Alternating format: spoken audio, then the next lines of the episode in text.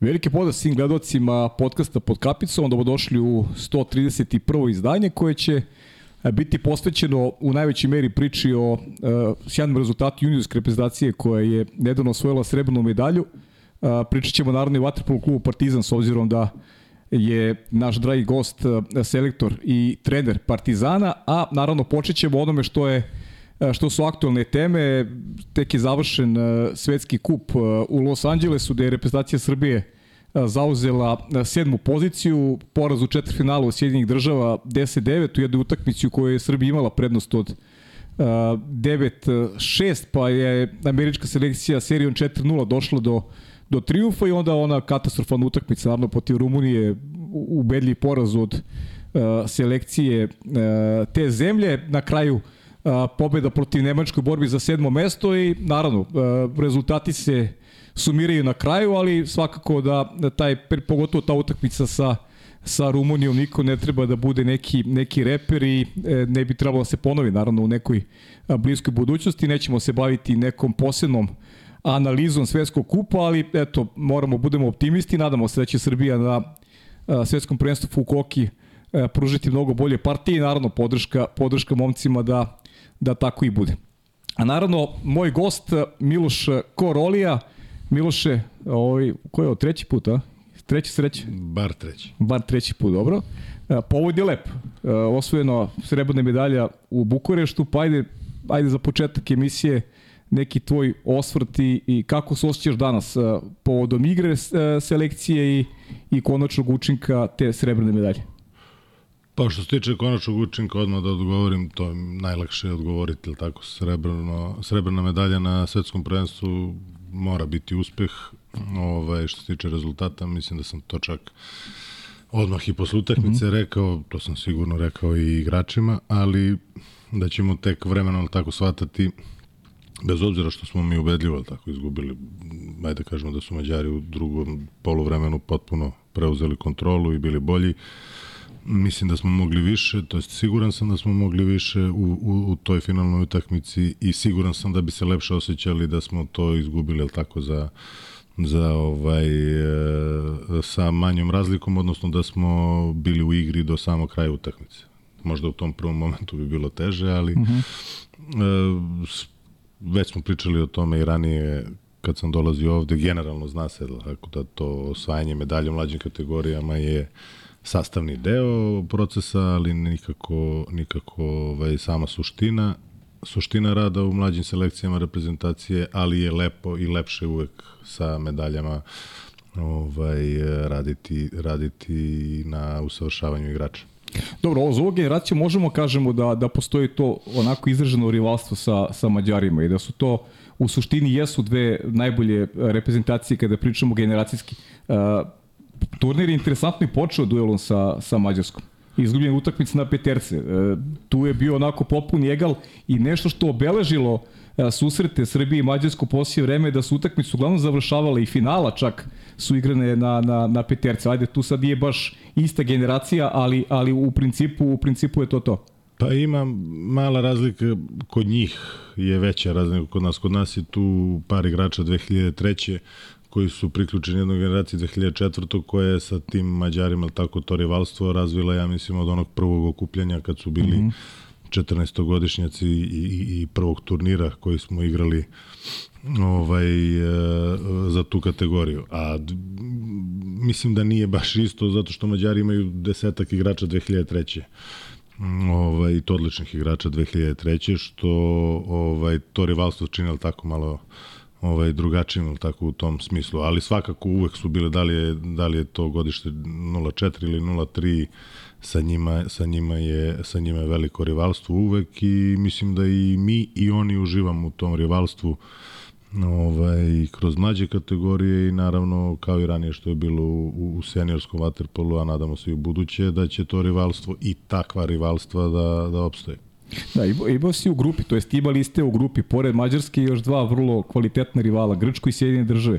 Sjedinje države koje možda nekoj široj, široj javnosti a, možda nismo navikli da, da u tim mlađim kategorijama imaju tako dobru generaciju, ali ovo je baš izvanredna generacija. Imao sam priliku, gledam tu utakmicu, ne znam, možda i najkvalitetnija ovaj, na, na turniru koji si ja bar stigao da pogledam. Sad, ajde, sa, sa tvoje pozicije možda može Misliš bolje na da, našu sa... sa, sa, sa Amerikancima, da. Pa malo je nama bila nezgoda ovaj, uh, utakmica jer, jel tako, uvek smo mi, mi sami biramo da igramo pod pritiskom jer drugačije, jel tako, ne umemo jer želimo igrače koji će znati da se nose sa pritiskom, tako da i kad nema nikakvih očekivanja, mi ih uh -huh. sami sebi nametnemo.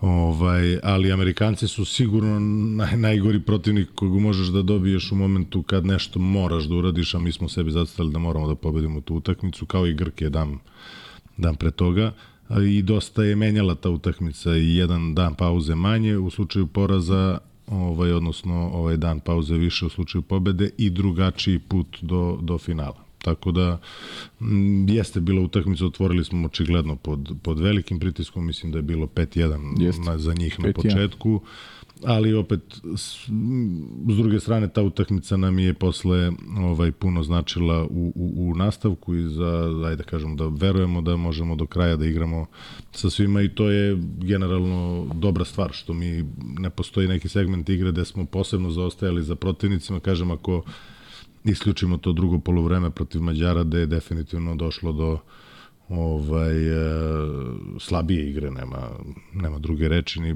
ni bolje ovaj fraze od toga.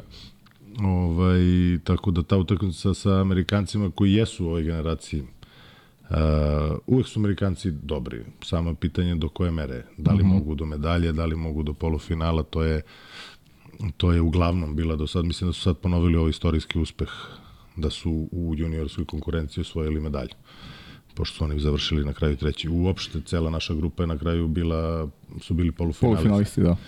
E, što ne umanjuje, nisu Španci iza, nisu ni Hrvati, to se videlo u utakmici s nama. Ovaj, nego samo kažem da se takođe Crnogorci koji ovaj, da, su jako, jako mm. interesantni, pa spoj tri, četiri generacije, pošto su oni mm -hmm. još, još mlađi od nas ovaj, da kažem u proseku nekom novom turniru bili. Uh, u svakom slučaju Amerikanci to ja nisam učestvovao, ali znam, zato što sam ovaj, nisam gledao tu utakmicu, ali znam rezultat. Amerikanci i mi kad smo se sastali u ovoj generaciji, u ovoj, to jest u ovom godištu, pre pet godina, mislim da su oni odigrali prvi neki turnir u Herceg Novom, mislim da je rezultat bio 16-3 za Ameriku. Uf. Se to znao, 16-3? 16-3, u ovom godištu, znači u 2003. godištu. A, promenjen je sastav naš više naravno nego njihov, ali je ovaj ima tu igrača koji su i tad igrali tu utakmicu. I jasno je bilo tada Amerikanci tu imaju jako dobru mm. generaciju.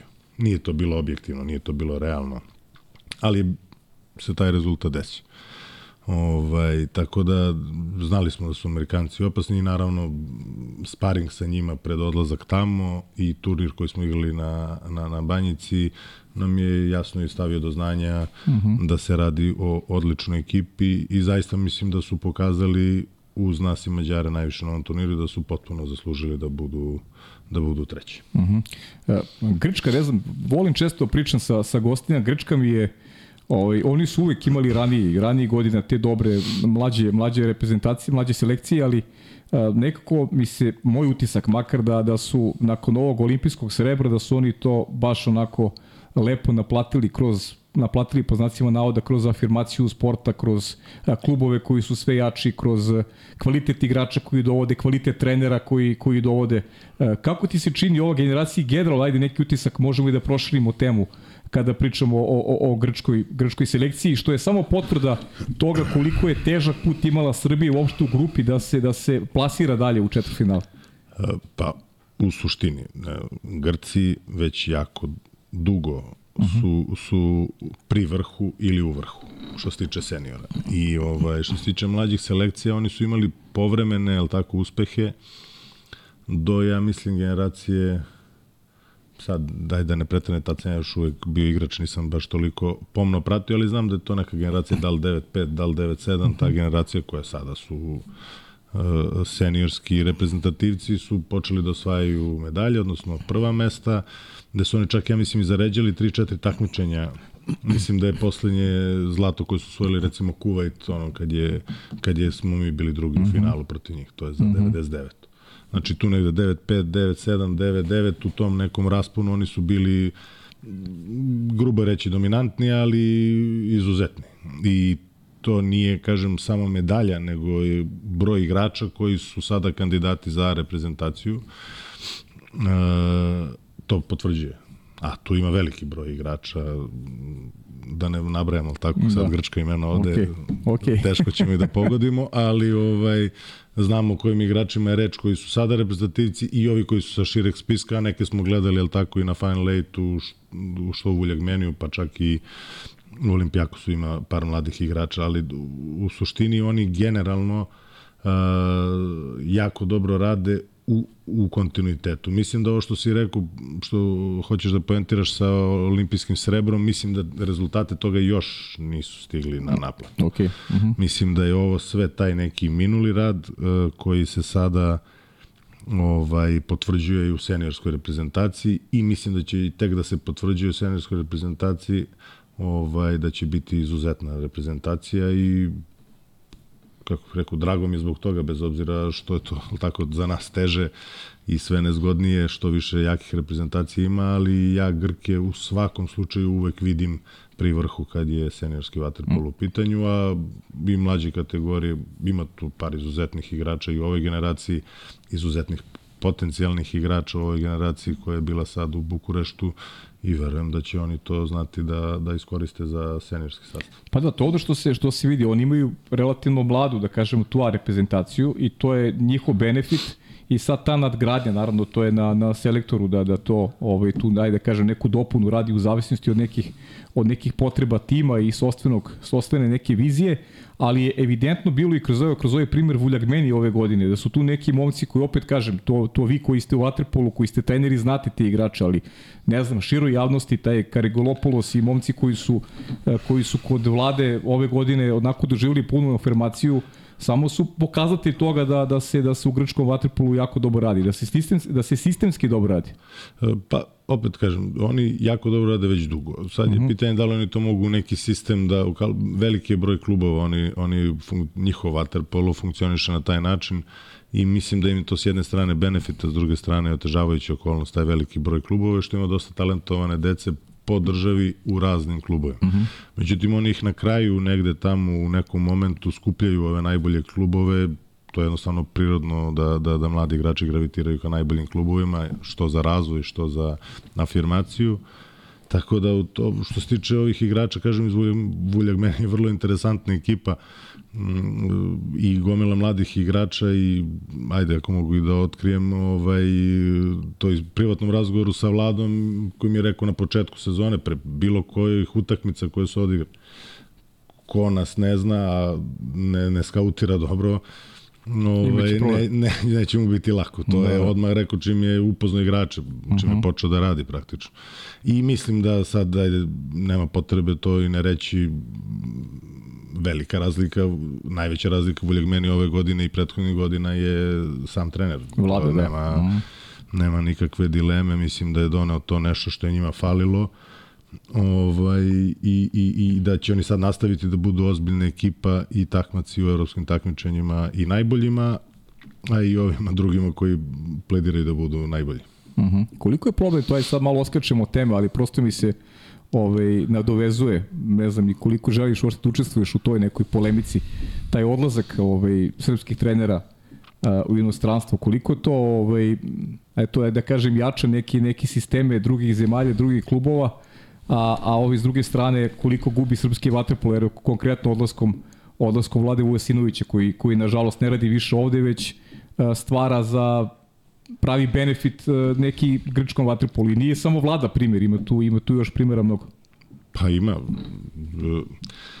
Ja bih tu napravio razliku samo način odlaska Uh mhm. -huh. naravno u nekim okolnostima. Jedno je kad neko traži ili tako neki nove izazove i tako dalje, to je apsolutno dobro. Jer kao i igrač kad ode u inostranstvo, pa se malo odmori od domaćih ili tako zbivanja, pogotovo ovih u, u, u našem vaterpolu, pa se tamo malo i osveži vrati se pun energije i doprinosi više u, u budućnosti što klubu, što eventualno reprezentaciji tako dalje. Ja znam gomilu igrača koji su iz e, inostranih klubova mnogo bolje igrali za reprezentaciju nego kad su bili u domaćim klubovima.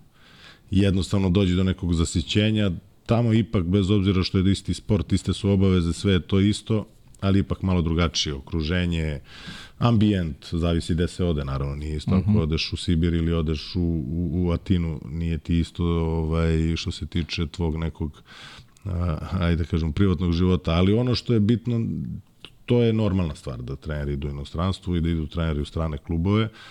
Uh, ali s druge strane, da li mi dovoljno koristimo sve trenere i da li su baš svi oni trebali da budu u inostranstvu, moje mišljenje je da nije tako i da nismo, ovaj, pričamo uopšte o vaterpolo zajednici, znači mhm. ovde nikoga stvarno ne upirem prstom, ne zato što nego zato što nema potrebe jer nema, nema ni pouzdanih, ili tako, E, parametara po kojima bi bi cenili da li je neko dao doprinos mm -hmm. ili mhm. nije dao doprinos da neko bude tu ili da ode u inostranstvo. Tako da mislim da smo mogli više da iskoristimo trenera, mislim da nema nikad viška dobrih trenera, da je uvek manjak dobrih trenera, koliko god da su svi tu, opet bi nešto falilo, mislim da bi opet moglo bolje i da je ovaj sa jedne strane kažem dobra stvar je to da, da, da, da, da naši treneri rade u inostranstvu, da upoznaju i te druge ovaj, vaterpolo zemlje, uh, s kojima možda kao igrači nisu imali puno susreta, koje nisu poznavali i upoznaju mentalitet, pa možda i kad se vrate tu budu od koristi te informacije koje trener sigurno budu od inform,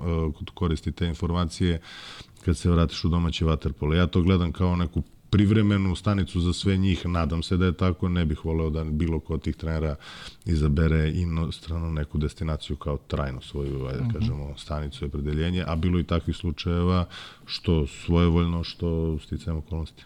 Da, ja samo sad pričam u svoje ime, samo kao, kao neko ko ko je, je mnogo zavoleo Vatrepoli i sada sam ajde nek, neki aktivni deo te zajednice da kada se pravi neki sistem više bih volao da se pođe da se polazi od glave što se kaže da se omogući trenerima da da budu zadovoljni da rade u svojoj zemlji, pa ti treneri treba da naprave ono što je što je najvažniji proizvod, da to su kvalitetni igrači. Mislim, to, kapiram da bi tako trebao sistem da funkcioniše. Jasno, ali to kad pričamo, tebi je fokus logično kao nekom, ili tako, na trenerima, poznatim seniorskim trenerima tako koji je. rade sa seniorskim timovima.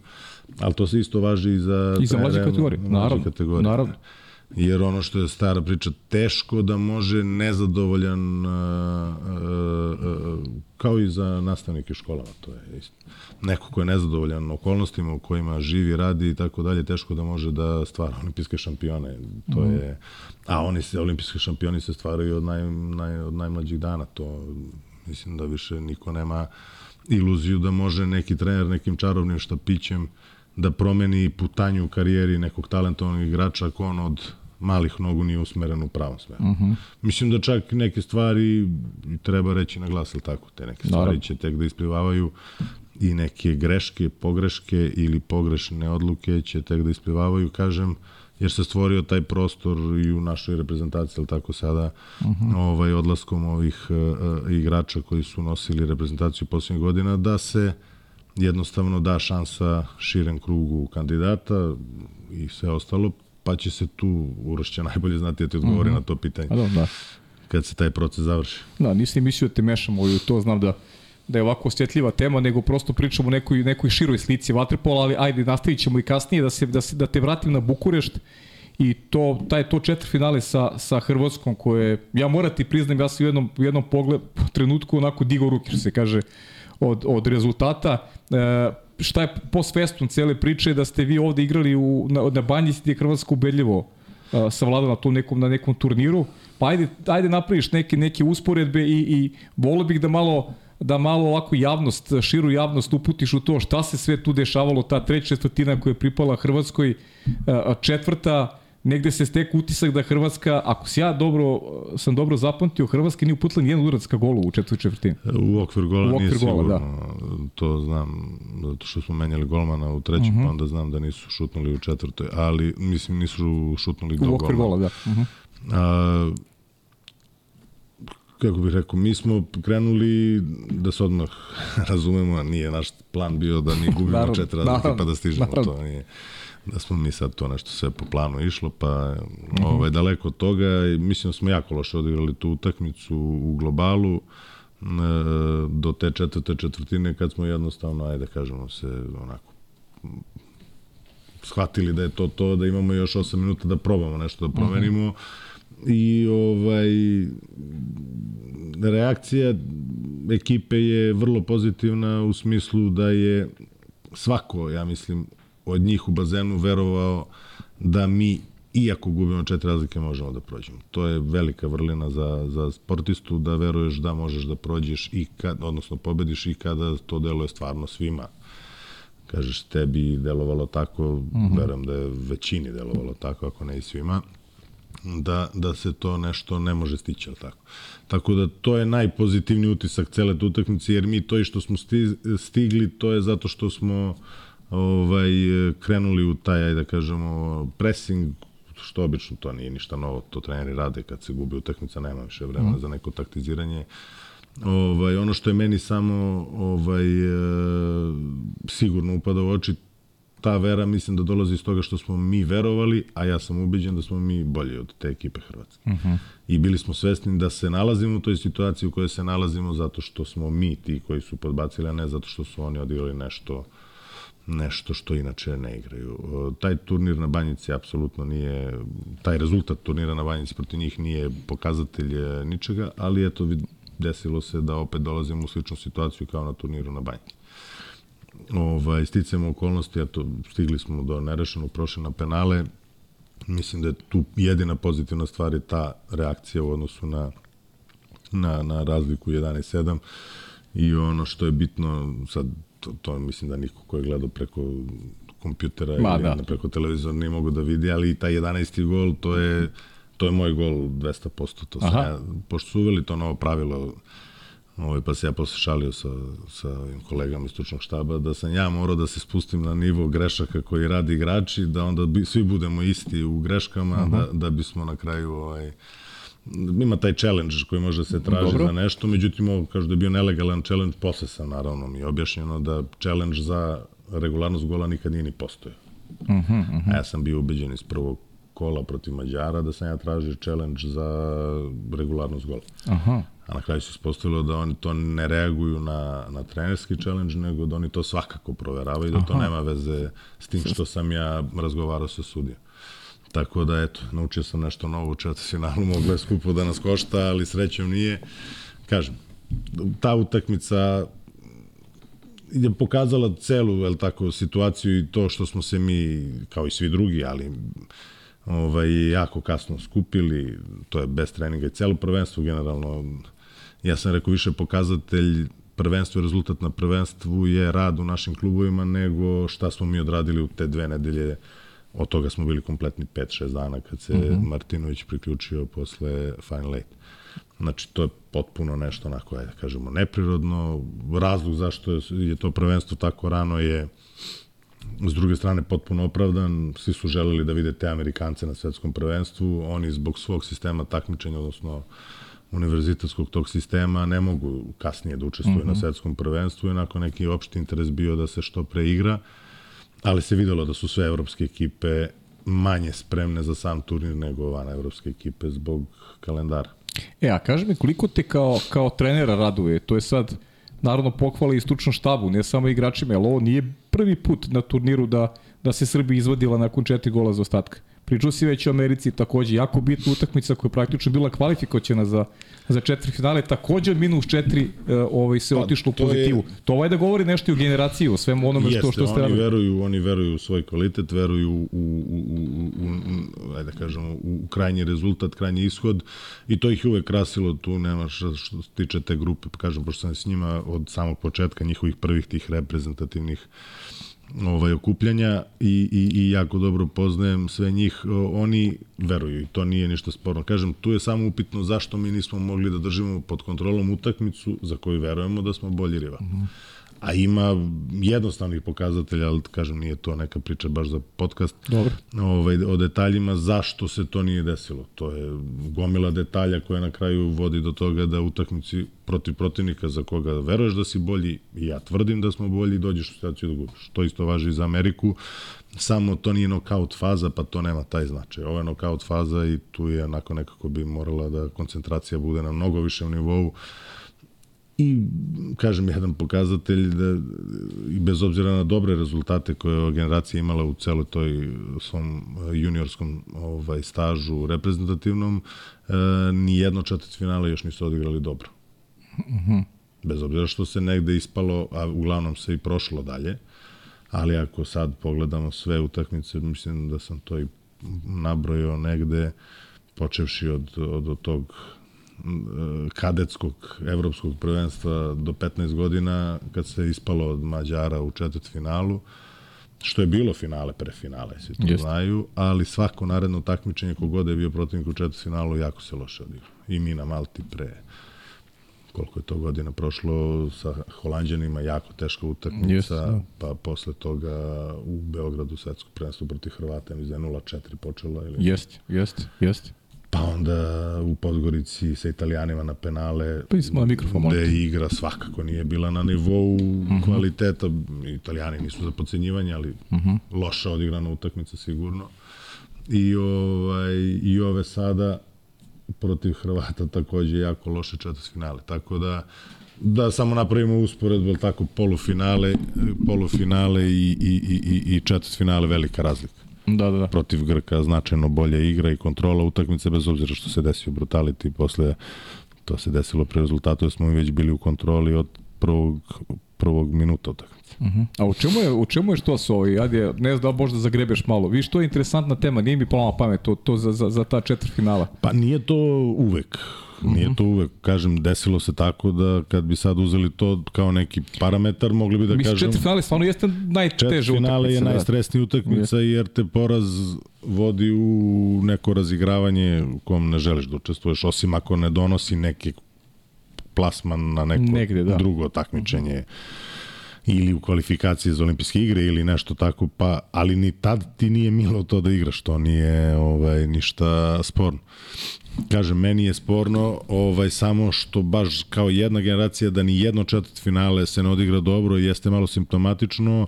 E, mislim da je to taj dodatni pritisak, kažem, toga da li će se ići u borbu za medalje ili će se ići u, u u neko razigravanje u kome uh mhm. -huh. ali mislim da to što pre moramo da prevaziđemo generalno u, u, zato što mislim da više ne možemo da računamo na ta polufinala tako baš na svakom takmičenju kad pričamo o seniorskom waterpolu uh mhm. -huh. ovaj to treba to treba ovaj raditi na tome psihološka priprema Uh mhm. -huh.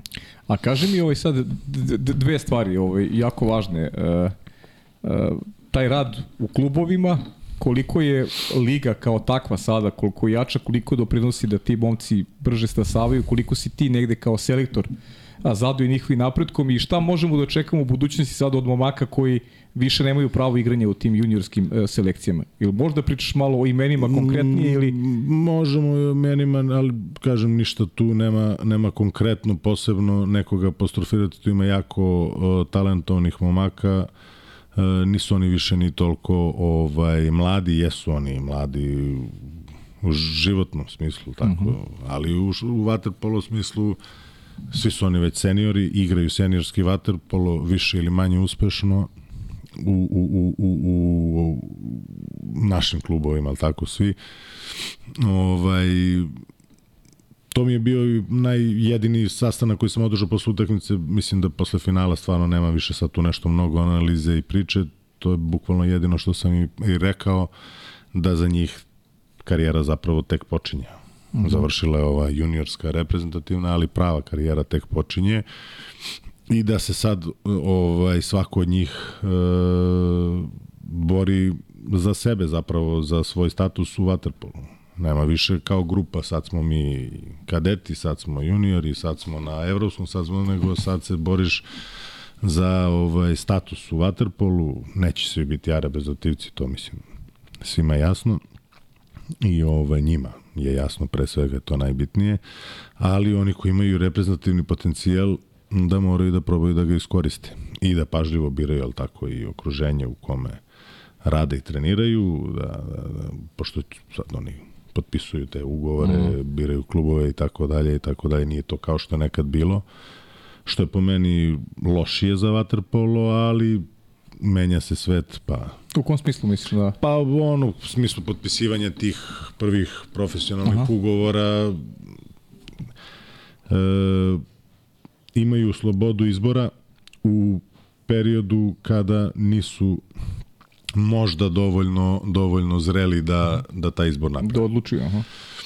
To možemo tako isto i paralelu da povučemo sa opisivanjem srednje škole. Da li gimnazija ili stručna neka srednja škola. Škola, da. To roditelji uglavnom prelome na kraju. Uh -huh. Tako isto i njima za klubove. Oni ne mogu sve informacije da imaju i da ih procesuiraju na ispravan način jer su ne svi, neki su zreli naravno, ali ovaj i, i te neke stvari uvek je to najbolje taj neki proces ovaj da se odradi da se završi u svom matičnom klubu uvek, ne uvek uglavnom, ali to je neka stvar koja mislim da utiče na krajnji ishod i krajnji proizvod kad je u, u, u pitanju njihov kvalitet. Da oni ovaj ne izvuku možda neki svoj maksimum baš zbog toga što imaju opcije da biraju. Uh -huh. Jer neke stvari u, u životu je bolje kad imaš opciju, ali je tako isto neke stvari je bolje kad si usmeren u, u jednom pravcu i fokusiran si na sebe, a ne da razmišljaš o ovom i onom. Kažem, to je nešto što se nikad neće vratiti na to, pretpostavljam, ali to je sad takvo vreme i treba to poštovati i treba ih edukovati da oni tu donose prave odluke, jer treba da biraju ono što je najbolje za njih, kažem, to je uvek u, u, u, u, u, u onom nekom konačnom ishodu najbolje za njih, jer to je uvek u prvom planu. Da, ali pritiš da nije lako, ovaj, za razliku neke tvoje generacije, pa ti si praktično imao da biraš između dva kluba, manje više, a sada je malo, malo imali struktura... Smo mi, imali smo mi malo više jer je bilo jer je bila druga država, tako, pa smo imali E, pa dobro, da, tvoje generacije, da, da. Smo imali bila druga država, država pa smo imali da biramo država, da. i tako je, neki su i otišli ovaj, iz, iz tih klubova u oba pravca, ajde sad to mm. ovaj, u istoriji ne moramo previše. Ali ono što je bitno, kažemo da je sad bitno, pito si me za broj klubova, kvalitet lige uh -huh. i to što, sve su to pozitivne stvari. Ja kažem, pozitivna je stvari kad imaš mali broj utakmica, jer imaš puno vremena za trening. Uh -huh. Pozitivna je stvari kad imaš veliki broj utakmica, jer to znači da stičeš, stiču igrači iskustvo i rutinu igranja zvaničnih utakmica. Nema po meni negativno. Uvek može da se izvuče neki maksimum okolnosti su koje jesu, trener i, i, i, i, i igrači su ti koji se pitaju za krajnji ishod uh -huh. ovaj, tog napretka. Tako da ja mislim da smo mi sad u situaciju što se tiče broja klubova da imamo veliki broj klubova koji imaju ambiciju, to je bitno. Uh, E, imamo i dovoljan broj igrača da te klubove popune. Mislim da je odlična stvar i to što se uključuju i stranci u, u, u naš waterpolo. Ja sam uvek za strance u svakom sportu, u svakom pogledu u ograničenim i kontrolisanim okolnostima naravno. Ovaj, jer e, pažljivo izabrani stranci uvek daju neki doprinos, neki drugi šmek ili nešto novo što mi ovde nemamo ili ne umemo da radimo i mislim da bi bilo ovaj bespredmetno to analizirati na drugi način. Tako da mislim da imaju tu priliku da napreduju. Jedino čega se bojim to malog broja radnih sati zbog mhm. velikog broja utakmica, jer mislim da se na kraju uvek sve svodi na fundamentalne osnovne stvari u waterpolu, da je igrač koji ima čvrste temelje ostaje do kraja, al tako, uspešan u tome, da igrači koji vrlo brzo uđu u rutinu igranja velikog broja utakmica kad dođe do one finalne nadgradnje, al tako, onog finalnog dela ovaj, kad se postaje ili vrhunski igrač ili dobar igrač, uh mhm. -huh. da fali to nešto malo osnovno što je možda moglo da se radi u nekom vremenu da se nije igrala gomila nekih takmičarskih da, utakmica. Uh -huh. I tu niko nije kriv kriv je sistem takmičenja ovaj, kome se mi prilagođavamo. Kažem, taj veliki broj utakmica opet s druge strane donosi nešto drugo. Dobro, samo je pitanje da mi nađemo model kako ćemo mi da iskoristimo vreme najpametnije. Ali si ti zadovoljan kao klubski trener sad? Ja sad vraćam na, na klub. Kao klubski trener si zadovoljan vremenom koji imaš ovaj, za, za rad sa, sa, sa igračima ili, ili te prosto uh, smatraš da, da bi drugačiji sistem takmičenja omogućio možda momcima da, da bolje napreduju kroz trening? Ja, Kako ti nalaziš taj balans? Ja jesam zadovoljan, ali to je zato što moji igrači baš vole da treniraju. Aha. I oni traže što više sati na bazenu. šta znači to vole da treniraju? Ma šalim se. Ostaju mi dodatno, se šta? trudim. ostaju, ostaju. Ostaju, stvarno ostaju i ne sad bez šale, ali ovaj, ne, bilo polušaljivo, ali uh -huh. poprilično tačno. E, treniramo e, čak nekad žrtvujući i neka, zv, neke zvanične utakmice, ne da se mi predamo kao izgubit ćemo, daj da uh -huh. istreniramo, pa ako izgubimo nema veze. Ne. Trudimo se da napravimo taj balans da se u isto vreme radi ovaj, i na napretku, a i da se održava kvalitet igre u samom takmičenju. Jeste zahtevno, možda i preambiciozno s moje strane, ali takav je sklop ekipe koju treniram u klubu, da jednostavno ja drugi način ne bi prihvatio, odnosno da se posvetimo samo takmičenju, da zanemarimo napredak, mislim da bi na kraju došli do zida i da ne bi mogli da napravimo taj iskorak koji treba, a ja mislim da, s obzirom da radim u klubu u kom radim, da naša ambicija treba da bude uvek najveća. I mislim da to svi igrači u klubu jako dobro razumeju i vrlo dobro prate ovaj, što i pokazalo više manje cela sezona i, i ceo taj trenažni proces ove godine je negde doveden do nekog a, a, a, do nekog kraja na vrlo zadovoljavajućem nivou. Ne mogu mm. nikada da budem tako prezadovoljan, ali mislim da smo iskoristili i da unapredimo ovaj, individualno neke igrače i da se unapredimo kao kolektiv. -huh. A, pričamo o Partizanu, nego još malo te vratim na ono što, što ajde kažem, neka, neka goruća tema. Uh, a reprezentacija i, i generalno kada sad gledaš ti kao selektor tih, tih mlađih selekcija, čekati još obaveza u avgustu mesecu, kako vidiš srpski vaterpol u odnosu na u odnosu na, na, na ajde da kažemo, ostatak sveta?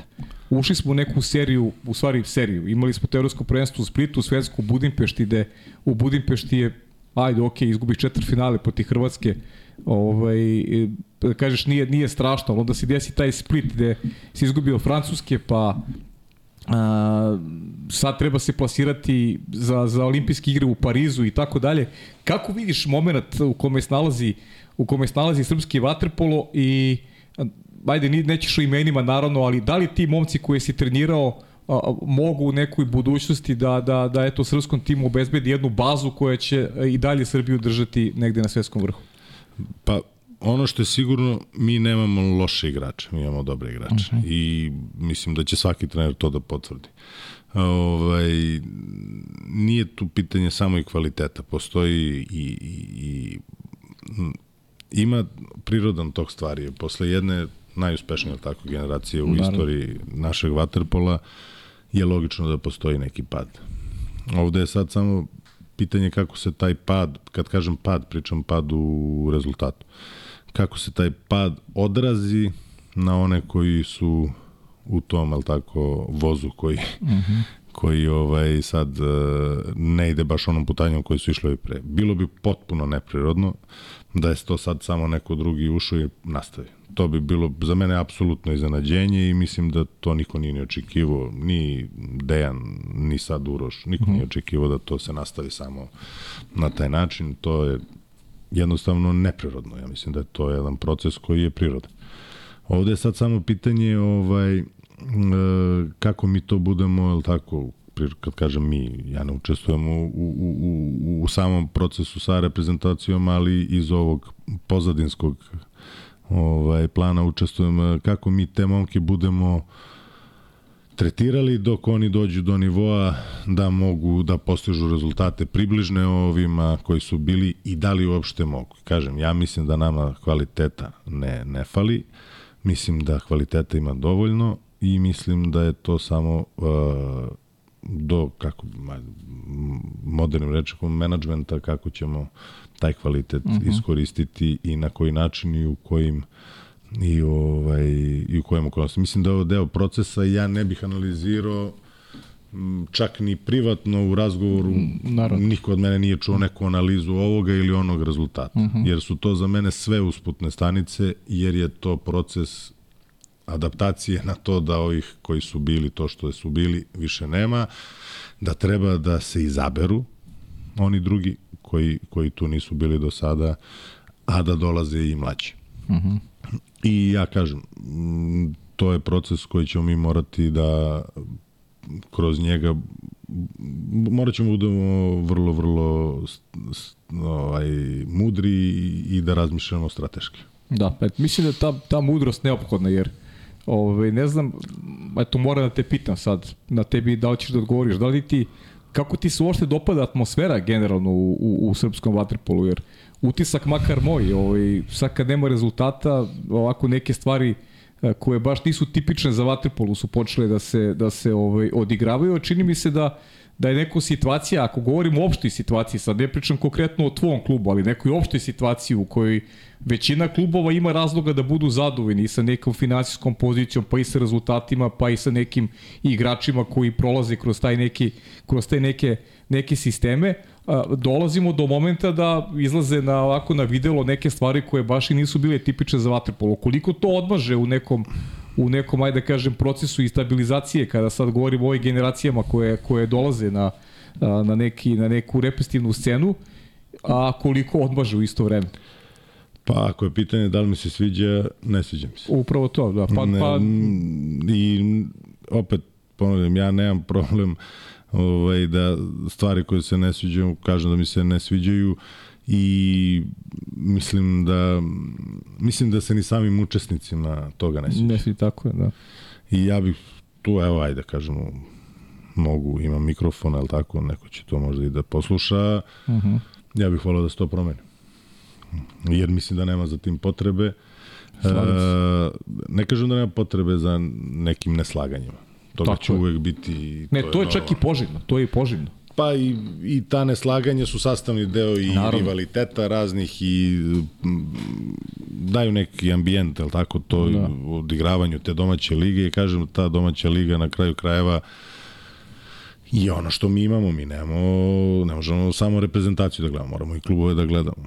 Mm. Ali ovaj neslaganja su ali generalno samo model kako se kroz, kroz to prođe je može bude i drugačije. Mm. I možemo mi da se ne slažemo ovaj i više a da opet uh, neki uh, ajde kako da ga nazovem Pa neki konstruktivni razgovor. Neki, konstruktivni naš... razgovor, pa čak i rasprava možda bude, možda bude od koristi, a da od ovoga nema ništa. I kažem, nismo opet mi kao sportski radnici u prvom planu, generalno se sport u svetu promenio mm. i od onog perioda nekad starog, kad je uvek trener bio u prvom planu, pa je bio neki funkcioner u prvom planu, u svim sportovima, pogotovo ko prati američke sporte, sad yes. sve sportovi igrača. Velika većina. Da to su i lige u kojima dominiraju igrači i, i, i, igrači imaju veće ovlašćenja i tako dalje i tako dalje nego što su imali nekad ranije igrači. I komunikacija se promenila i tretirani su drugačije. Uh, to nije rol model ali tako da oni učestvuju i da su gledaju na neke ove sadašnje da kažemo uh, momente u srpskom vaterpolu. Opet sve, svako da mali doprinos, svako od nas je dao mali doprinos da budemo u ovoj lošoj situaciji. Nemo, nemo dilema. Da. E, neko je javno dao doprinos, neko je u, u privatnim razgovorima dao doprinos, mhm. -huh. neko je nekog naljutio nekim gestom, neko je nekog naljutio nečim drugim i tako dalje, a to su sve stvari koje mi moramo da, pa tako da mislim nikog ne bih abolirao od odgovornosti ne bih ni ovaj ove kažemo sa javnim istupanjima ni ove što iza zatvornih vrata se nešto kaže, a, a to se ne uklapa u ono što nama sad najbitnije. Pogotovo, pogotovo sada reprezentacija, jer, kako bih rekao, ko ne razume koliko je bitno da reprezentacija ima podršku svih nas, taj ne razume Upravo to. Taj ne razume šta treba vaterpolu. A to ono što, što je meni, iskreno ti kažem, ono što je, što je meni smetalo, jer ja toliko sam sada dugo ovde i i znam da neke afere koje su vezane za, za igrači iz drugih zemalja koliko su se uspešno sakrile ovaj, i naravno da o tome neće da se priča a a mi dolazimo ovde u situaciju da ovaj da pričamo o stvarima koje šta se desilo pre godinu dana. Kao da je važno zašto obeležavati a, neko ko je tvoj? Zašto ga ne Znaš, gurneš, Ima... gurneš sa strane i zaboraviš i ideš dalje. Sport je prosto, prosto je mali, a bojim se da da u ovome... Da to si dobro rekao, mali da. sport i u malom sportu te neke stvari, dovoljno smo mali da nam nikakvo klubaštvo ili nešto kad se radi o A reprezentaciji. Kad Tako se radi je. o interesima, A reprezentacija ne može doneti ništa dobro. Kažem, drugačije to ovaj deluje iznutra, drugačije deluje s polja, nije ta situacija ni toliko loša, niti ovo prvi put, da se uh -huh. razum, nije ovo nešto novo. Okay. Toga je bilo i ranije.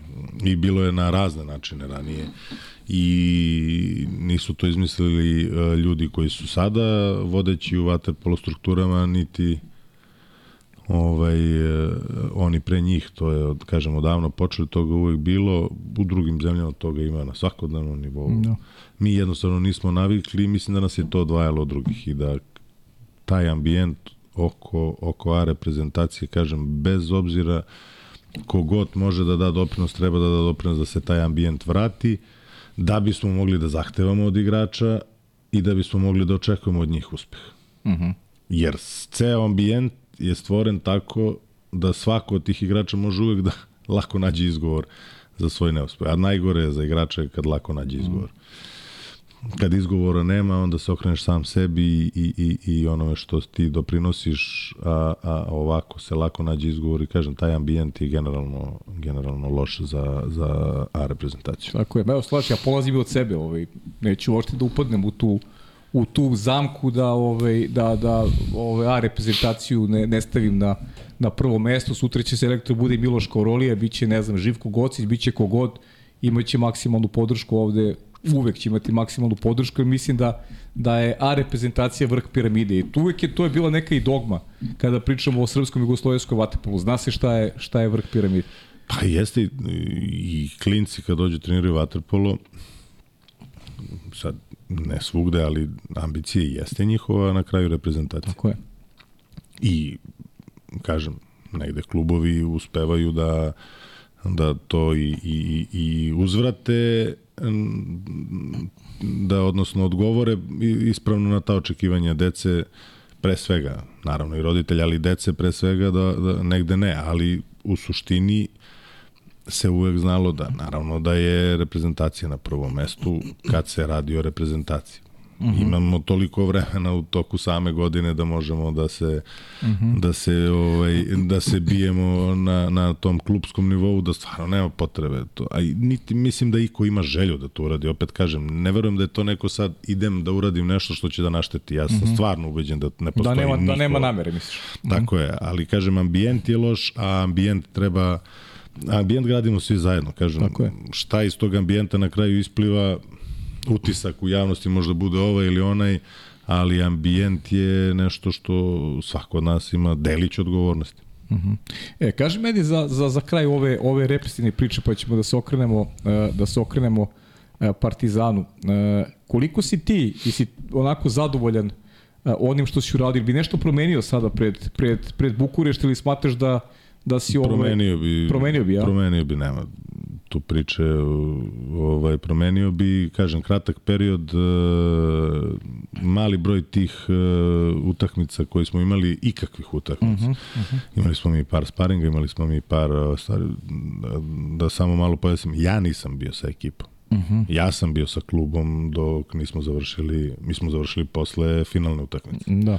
Mi smo igrali tri, a finale se igralo na dve. Na dve, jeste. Tako je. Tako da mi, ja nisam bio tu. Znači i ti igrači koji su trenirali su bili, ajde da kažemo, ovaj, uh, uh, M u krnjem sastavu, M bez prvog trenera, što je sve neprirodno uz, kako bih rekao, veliko poverenje u stručni štab i sve koji su bili tamo i učestvovali apsolutno mislim da su odradili sve što su mogli u tom periodu i jednostavno je takva situacija. Kažem, to što se ja u nekom momentu pojavim, to nema čarobnog štapića. Ovaj, jednostavno je takva situacija da nam se preklapao play-off i najbitniju utakmicu u sezoni sa pripremama za svetsko prvenstvo. To jednostavno nije, ne ide jedno s drugim. ne znam, mm -hmm. da ovaj, nije normalno nije normalno, a da ne pati ili jedno ili drugo. Kažem, ja sam izabrao da jedno završim pa da se drugom posvetim i mislim da je to jedan ispravan način, ali ovaj, kažem, ono što mislim da je, da treba da budemo zadovoljni taj kontinuitet dobrih i lepih rezultata u smislu osvajanja medalja, u smislu konstantne borbe za, za zlato Ono što nisam zadovoljan, kažem nisam zadovoljan, mislim da smo za to kratko vreme koje smo bili kompletni mogli više da uradimo, da, da budemo a, da budemo tamo kompaktni kao, kao grupa i sve ostalo, što ne znači da bi rezultat bio bolji, ali bi svi onako nekako imali puni ukus ustima i kažem, a, samo mi je to žao, ali mislim da i svako od nas je svestan da, da, da smo mogli bolje svi zajedno. Uh -huh. Ti nemaš odbor?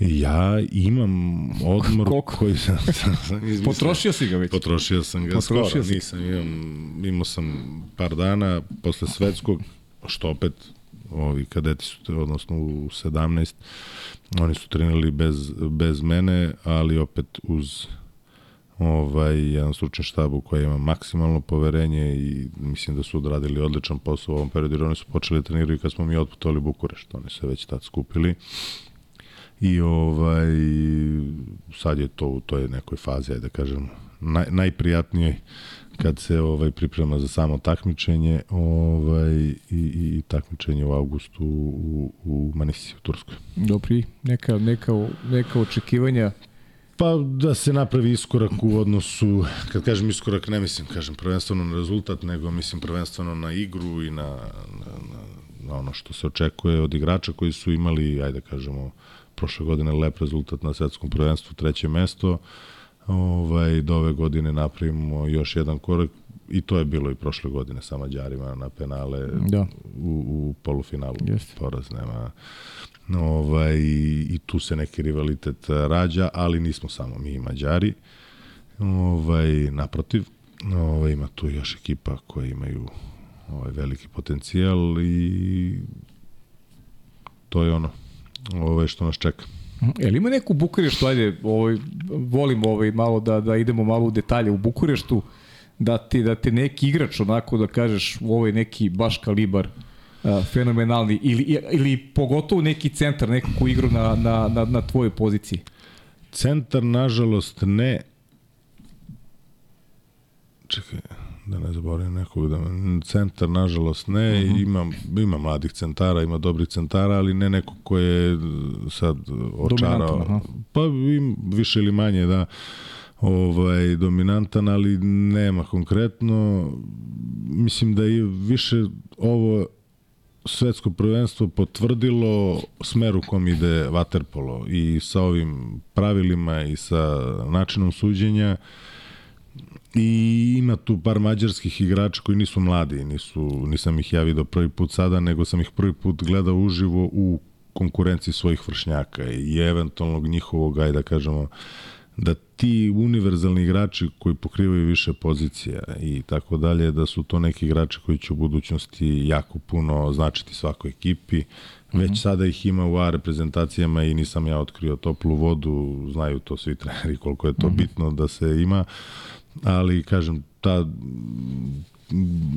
od Mađara ta, tih par igrača koji pokrivaju više pozicije i igraju sve, a oni ih imaju jedini u većem broju. Svako od nas ima eventualno jednog, ako i imamo uopšte takvog igrača, a oni imaju dva, tri takve igrača koji pokrivaju više pozicija. I da te neko pita su zgodna, nezgodna, back centar, ne, ne bi znao da odgovorim. Uh mhm. -huh. Ne bi znao da odgovorim, ali je stalno u igri jedan ili dvojca od uh -huh. tih mhm. igrača. I ovaj, oni onako pokazuju neki smer u kom ide Waterpolo, što je možda manje lepo za oko, ali vrlo zahtevno fizički, onako atletski se dolazi do nekog do nekih e, nivoa na kojima Waterpolo nije bio pre, pre mm. ovoga i da ti igrači će ne samo biti na ceni kod trenera, nego i kod onih koji plaćaju i biraju kolika je plata. Aha, a, da Mislim da u tom smeru ide i da to je poruka evo, svim mladim igračima da ovaj, rade na sebi i, i kad ih treneri ne teraju. Znači, te atletizam je nešto što... Atletizam generalno, mislim, uvek sve sportovi su brži i, uh mhm. -huh. i ovaj, zahtevaju veću fizičku spremu nego što je bilo ranijim vremenima, ali kažem ovde je generalno ta polivalentnost igrača uh mhm. -huh. nešto što će u budućnosti po meni biti na, na ceni. Uh mhm. -huh.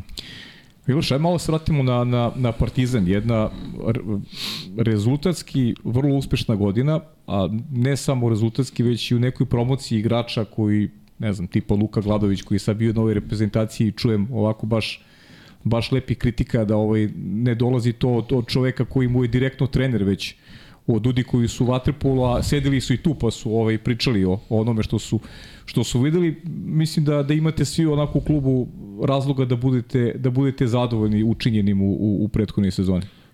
O, da, zadovoljni.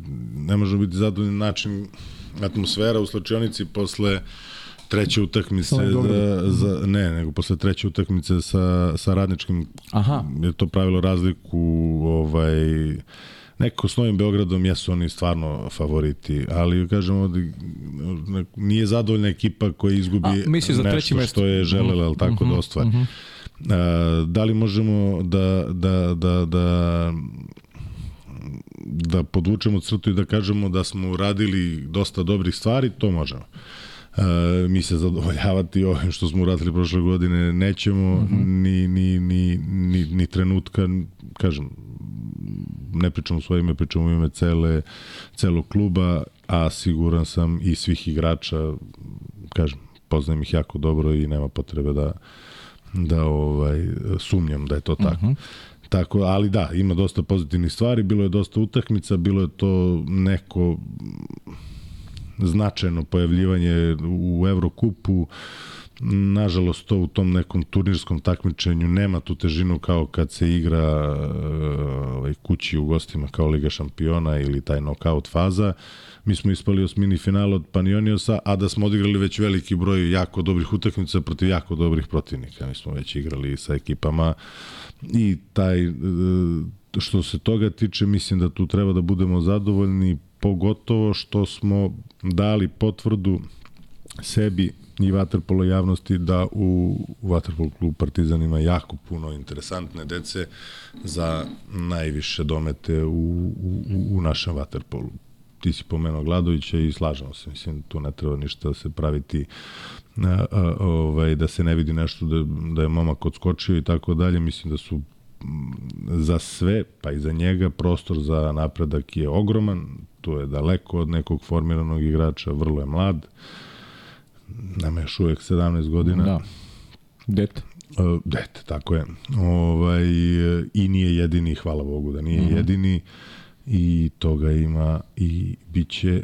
Dobro, Marko Dimitrijević je sa reprezentacijom. Ajde. Marko Dimitrijević, dobro, ja ga spominjati da što on stari, stari pa svi da. znaju i već je bio na spisku ima mhm. reprezentacije mm -hmm. i nije ni on jedini mm -hmm. od mhm. tih koji igrača koji imaju, ali da, i on je neki doprinos, odnosno doprinos, potvrdu svog tog nekog kvaliteta i potencijala uh, ovaj, dao i uh, uh, ima tu i drugih igrača, sad kad bi krenuo redom izanalizirali bi svakog, a nema potrebe, neki su se pozicionirali na waterpolo mapi, a neki su se vratili na waterpolo mapu, a neki su ovaj skrenuli pažnju da od njih ne treba dići ruke. To svako svoj ima neku različitu, različiti moment u kom se nalazi i, i, i period u, u svojoj karijeri, ali su svi dali doprinos uh, uh, dobrom i dobrim rezultatima.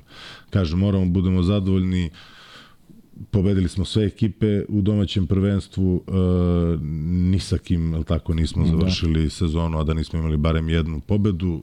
Kažem, to je samo pokazatelj da sa svima možemo da igramo mi se time ne možemo zadovoljavati, nego je to samo pokazatelj da pristup treba da nam bude da protiv svakog idemo na pobedu, što smo mi i radili, do duše malo stidljivo, ali sad nadam se od sledeće godine sa mnogo više samopouzdanja, manje te neke lažne skromnosti.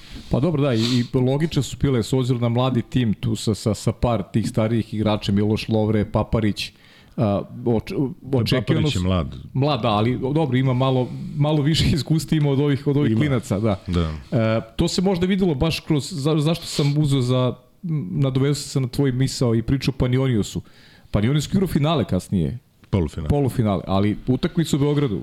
U jednom momentu je bilo i koliko, 5-6 razlike je bilo za Partizan. Tu izgledalo... nije svirao kraj odmah. Da, to je izgledalo onako Pa jeste, da. Baš, baš kao, kao i bajkovito izgledalo, kako način na koji Partizan igrao. U momentu je delovalo da su oni zalutali. Bukvalno, da. Tako je, ali i ima tu našeg, naravno, doprinosa i naše igre i kvalitet i taj, to što nas je krasilo i, i treba da nas krasi u budućnosti, da dovedemo u situaciju protivnika da tako izgleda.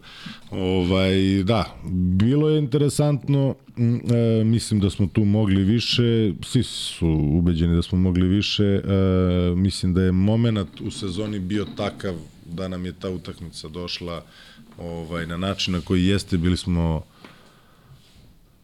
e, da spomenemo Jadransku ligu, ali tako, mi smo igrali turnir Jadranske lige, a sad mi stava mozak, da li tri ili četiri dana je prošlo od tog turnira, mi smo igrali prvu Klasika, da.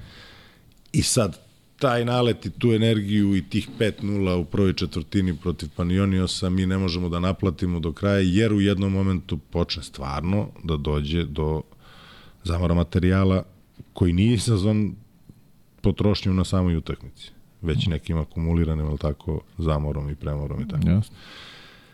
A ne možemo ni da kažemo da Jadranska liga nije nebitna i ko da igra, da igramo s drugim tim i tako dalje. Tako da mislim da je to onako na kraju nas nismo mi jedini. Svi naši klubovi su, svi klubovi koji igraju Jadransku ligu su bili u sličnim situacijama. I skupo su plaćali. Ovaj, samo je pitanje mladosti, odnosno neiskustva, da se kroz tu krizu prođe i mislim da je to dobra škola i ne treba kukati, ali treba treba reći da, da mislim da smo mogli više i da sam siguran da bismo prošli Panionije su drugačijim okolnostima. Znali smo šta nas čeka tamo, otišli smo u jednu vrhunsku vaterpolo atmosferu, kad kaže vrhunsku vaterpolo atmosferu, oni imaju navijače, to je ozbiljno navijanje i to je već kontinuirano, oni godinama dolaze u velikom broju i prave odličan vaterpolo ambijent sa nekim tim ovaj, svim pratećim elementima, što daje kvalitet, odnosno diže domaću ekipu i možda smo malo tamo i bili impresionirani mm -hmm. time, opet mladost i neiskustvo da smo manje bili impresionirani, verujem da bi tu utakmicu duže držali u nekoj neizvesnosti, ovako smo pred kraj negde poklikli praktično po, praktično ispali zasluženo od ekipe koja je posle potvrdila da nije slučajno Tako to je. ništa. Ove, samo u jednom momentu, eto, kažem, mislim da bismo to naplatili bolje da smo bili malo sveže. A, prijeti stalno da, da onako zvuči kao kolega iz, koji prati jedan drugi sport, a, a tema je Jadranska liga, ovaj, nisam protivnik Jadranske lige, već ovakve Jadranske lige, načina na koji se igra. Nije, protivnik Jadranske tako lige. Je. Ali ovaj sistem gde se igraju utakmice, četiri utakmice u pet dana ili tri utakmice u četiri, ovaj, pogotovo je klubovima koji su igrali Evropu maksimalno otežavao priliku, poziciju da možda naprave nešto i bolje ovaj, za, za, za, za sebe, za, za svoje navijače, za, za igrače u krajnjem slučaju. Uh, ja razumem sportove da se vrti ogroman, ogroman novac i da se povećava broj utakmice zato što je to zarada. I potpuno razumem klubove koji se na to adaptiraju na ovaj ili onaj način dovođenjem brojem igrača, većeg broja igrača, većeg broja kvalitetnih igrača ili jednostavno biranjem takmičenja utakmica koje su mhm. prioritet. Ove, ja stvarno ne razumem da mi imamo toliki broj utakmica u Waterpolu gde prodaja ulaznica nije nikakav profit. Čak i puni bazeni ne donose veliki profit. Jer su ulaznice jeftine i tako dalje. Tako da ja to ne razumem da li je moguće da mi ne možemo da po znacima da pikiramo i biramo utakmice koje hoćemo da igramo i koje hoćemo da nas prezentuju. Mi sami sebi ovaj, sečamo granu na kojoj sedimo u smislu da vaterpolo vraćamo u, u, u, u, u, u korak unazad mm -hmm. tim jer je poenta da je vrhunski kvalitet kad je kad je ovaj najveće interesovanje da tad waterpolo bude najbolji u bazenu. Uh mhm. -huh. Kad je najveće interesovanje. To što ćemo mi da odigramo dobru utakmicu koju niko nije pogledao, super, bit ćemo mi srećni, zadovoljni i pričat ćemo drugarima da smo bili dobri.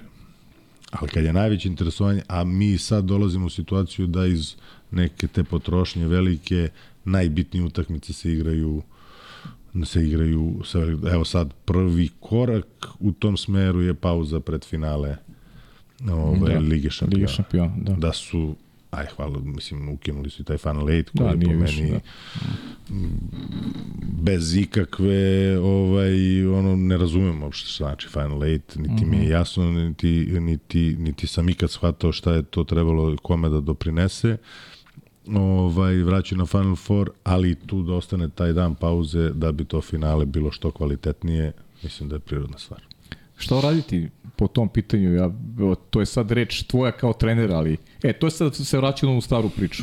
Dijalog i razgovor konstruktivan koji treba da pomogne srpskom vaterpolu, a ne prazne priče koje koje sada pune tabloide i koji ne pomažu ne pomažu sportu. Pa, ja iz ugla trenera treba da trener ima prostora da trenira ekipu, da igrači imaju vremena da se pripreme, regenerišu i odmore za sva, od pred svaku utakmicu.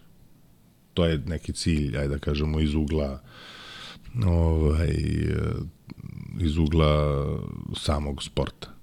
A onda s druge strane treba da čujemo sad ovi iz ugla logistike, jel tako, i menadžmenta, šta od toga je moguće, zbog uh -huh. čega ovo jeste, zbog čega ovo nije moguće, sad to bi ušlo u široku temu, ja znam da nešto ima sve, ima svoje za i protiv i nema idealnog modela. Samo ja mislim da ne možemo da zanemarimo potpuno ovaj deo sportski. Jer stvarno nije svejedno u kom stanju je igrač koji igra utakmicu kažem ponovo, dozvoljavamo sebi da kad je najveća pažnja usmerena ka vaterpolu, mi tada nismo baš reprezentativni. Zašto? Jer su nam igrači premoreni. I to se stvarno dešava i uvek. Kad, nije slučajno na velikim takmičenjima da su finala, kaže, najružnije utakmice su finala. Da. Nije to samo zbog toga što je velika želja jednih i drugih, pa tu dolazi do neka, da kažemo, čvrste igre koja ne rezultira nekim lepim potezima. Nije samo to u pitanju, nego i umor. Uh -huh. Ima, I to je bilo i ranije, nije to ništa novo. Dan za danom se igraju utakmice da na kraju finala igraš najumorniji. I jeste to, da pobeđuju najveći karakteri i ljudi koji taj umor znaju da da ovaj da gurnu u drugi plan, a želju za pobedom u prvi plan, ali mislim da to samo treba imati u vidu da postoji neke granice i da bi neko bio spreman mora da ima kada trenira. Ja, -huh. Apsolutno je nemoguće, ne nemoguće. Gledamo mi i druge sportove i, i u svim sportovima je to sada, ali ja kažem, ja razumem te sportove koji zarađuju od toga i gomilaju utakmice da bi zarada bila veća. Slažem se, slažem se skroz. Ali ne razumem zašto mi koji ne zarađujemo od toga. Zašto mi ne povećavanje broja takmičenja ovaj, ja više ne mogu povežem kad je, a sad ovo, ne, ne pričamo ovo sad haosu koji sledi za reprezentaciju ovo što igraju dva svetska u, to je užas. 15, nego ja pričam i ovo prethodno, generalno su se nagomilala neka takmičenja i kad su prebacili ono pre koliko je to već prošlo godina, nije to ni tako skoro bilo, ovaj, da su i, i svetska se igraju na, na dve godine i evropska na dve godine i pa jedno takmi, pa Evrokup, pa onda izbaci Evrokup, pa ubaci super, evo, svetsku ligu, pa sad iz svetsku ligu, pa ubaci Meni to, kažem, ništa nije, nije mi jasno šta mi od toga kao sport uh, imamo. Nije mi, nije mi jasno šta igrač, to je znam, igrač od toga nema ništa. Nikakav benefit. Treneri od toga imaju glavobolju, to 100%. Pa da bar vid kao klub neki, da, da dobijete neku na, nadoknadu za to? Ma ne. Da imate trošak putovanja samo. Troškovi putovanja u, u, u sportu na kraju to da bolje da ne pričam, ali dešava se da imaš budžet za ekipu da ti je približan budžetu za, za troškove putovanja. putovanja. Zavisnosti od kojeg takmičenja igraš. I zavisnosti s kakvom ekipom igraš. Mlađa, starija, skuplja, uh -huh. jeftinija. Ne. To je sam po sebi, ovaj, a nedovoljan broj domaćih utakmica. Mi prošle godine smo igrali evropsko takmičenje, odigrali smo četiri, pet utakmica u Italiji, tri utakmice u znači 4 3 7 devet utakmica u Evropi smo odigrali. Uh -huh. Jednu smo odigrali na svom bazenu. Znači mi smo jednom mogli da ugostimo neki drugi evropski klub. Da smo mi odigrali tri utakmice od toga jedna na našem bazenu pa da kažem. Uh -huh. Jedna na neutralnom, nego smo odigrali ne tako mali broj utakmica, a jedno domaćinstvo smo imali. Uh -huh. Ne znam to je ono što kažem, ajde sad su to promenilo, sad ima kvalifikacijni turnir, pa se igra grupna faza i u Eurokupu kao i Ligi šampiona, što neće smanjiti troškove poveće, ali bar imamo, ako prođemo u grupnu fazu, bar imamo utakmice na domaćem bazenu. Da, zagarantujem. I da onda znamo, ajde, opet si u minusu finansijski, ali bar znaš, ovaj, da si uradio neku promociju i da si odigrao neke evropske utakmice i da je to osveženje za ovo, kažem, domaće takmiče. E, opet da me ne pogrešni ljudi. Stvarno, apsolutno podržavam i treba da se igra Jadranska liga. Ali sa ovakvim sistemom mislim da je pogotovo sada kada će klubska sezona trajati šest meseci. Znaš, kakva je konsekvenca na igranje recimo u Jadranskoj ligi? Ili postoji neka... Ili, Ma ne, pojma. Nisam se ni nisi, nisi ni razmišljao o tom. Ba, ne, klub može to da izabere, nema uh -huh. konsekvencije, jer nemamo mi nešto iz te jadranske neku prohodnost negde. Mislim da tu, eto, to je jedna pozitivna stvar. Mislim da svi tu teže nekom kompromisu, svi teže nečemu tome, ali se ne rađa ni jedna ideja koja je, ovaj, i stvarno ne znam šta će biti. I ne mešam se u krajnjoj liniji. Ako me neko bude pitao, ću vam ponovim ovo što sam rekao ili da. pustim ovaj, sa YouTube-a, ovo što sam rekao. da, da, da. da ne ponavljam. Ali to je, ako me neko bude pitao, ali to je ovaj nešto što je normalna stvar, kažem, da, da, da težimo ka tom kompromisu i da se nadamo da ćemo ga, da ćemo ga naći, kažem, nisam se dovoljno dubio i siguran sam da bi dobio bolje odgovore od ljudi koji se bave, tako, organizacijom jednog, drugog, trećeg takmičenja i svega ostalog, a sam siguran da, i tako da, da, da može i bolje, ovaj, sve ukupno gledano kažem, mhm. -huh. niti je kriva Jadranska liga, Ma ne, naravno. niti je neko drugi kriv, nego jednostavno da li može bolje od ovoga, siguran sam da može. Eto, Mo, to pa to, treba da se sedne za stoji i kaže, pogotovo sad ovaj sistem, se sad ovaj sistem, imaš svetsku i evropsku, imaš i olimpijske igre sledeće godine. Pa još uvijek se ne znam šta radimo. Da, da, nema, da, nema, nema još informacije o tome. Mi nemamo još uvijek informaciju. Da. Mi imamo informaciju šta i kako što se tiče domaćeg takmičenja, ali što se tiče ovoga, to ne. Uh -huh. Kaži mi, kakvi su planovi Partizana? Može da se zna nešto, ovaj, to su najčešće pitanja koje sam dobio ovaj, kada je objavljeno da ti dolaziš, kako će izgledati roster za za sledeću godinu ili ima nekih važnih odlazaka, nekih dolazaka koji možda mogu da se najave, kako stoje stvari sa timom i naravno kakvi su planovi kada govorimo o ovaj, o, o svim takmičima kojima će Partizan učestvovati. Ajde se fokusiramo na, na Ligu Evropi i na domaći, da ne pričamo Tako, o Da. Pa u, principu bit će promena ne prevelikih zbog ovog ili onog e, zbog ovog ili onog razloga. Ono što je suština je da je otišao bitan šaf od prošle godine Paparić, mm -hmm. Lovro Paparić je otišao u Rijeku.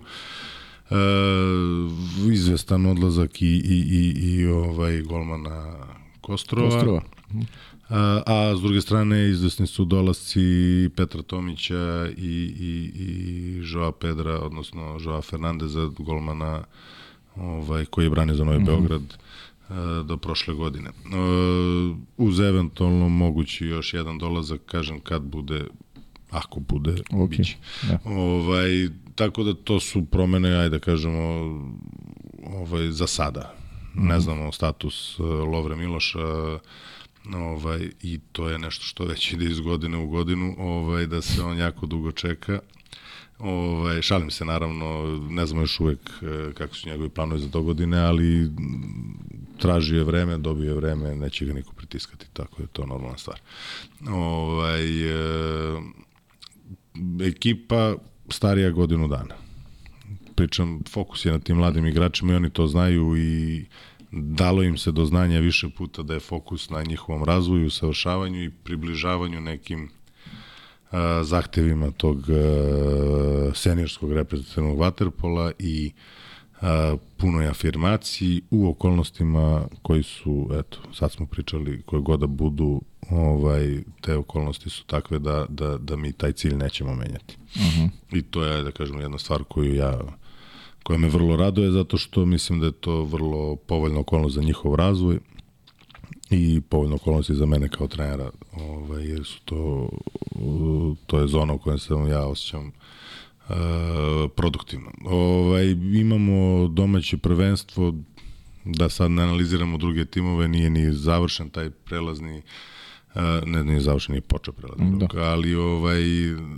sve više manje neke stvari znaju, kosturi drugih ekipa se znaju, Sličan će biti neki odnos snaga što se tiče klubova, možda je najveći pad u kvalitetu, odnosno prošlu godinu kod radničkog iz Kragovca, ali ne u odnosu na plasman, nego u odnosu na očekivanja mm -hmm. prošle godine. Ovaj, a ovi svi drugi timovi su više manje približno isti ili slični. Tako da očekujem tu borbu unutar tih klubova koji su se prošle godine borili sa najvećim ambicijama, naravno kao što sam rekao, već smo pobeđivali sve u toku prošle sezone, nema razloga da sa takvim ambicijama ne uđemo ni i u sledeću sezonu. Uh mhm. -huh.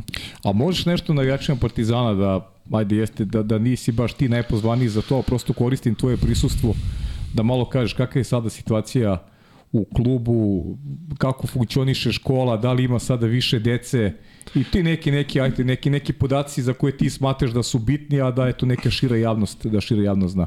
E, više dece u odnosu na, na prethodne godine za nijansu to nije nešto o, o, o, ali nije to ni i tad kad smo pričali o tome nije broj kao broj samo bitan, mm -hmm. nego je bitno i to kako se sa tom decom radi. Mislim da smo doveli do nekog nivoa koji je vrlo zadovoljavajući, da ne kažemo da smo prvi put e, svi u klubu zadov, zadovoljni onim što imamo, ne zadovoljni da mislimo da ne može bolje, nego zadovoljni u smislu da smo povezali ovaj i suzbili sabili redove za, za ono što, što, što Partizan treba da predstavlja i što predstavlja, nema tu neke razlike Ovaj, i, I mislim da smo svi u klubu zadovoljni, naravno uz neke eventualno te promene koje će se i dešavati u budućnosti, da su te promene samo radi unapređenja, a ne radi nekog a, a, vraćanja na neke staze stare slave i tako dalje. Mislim da smo, e,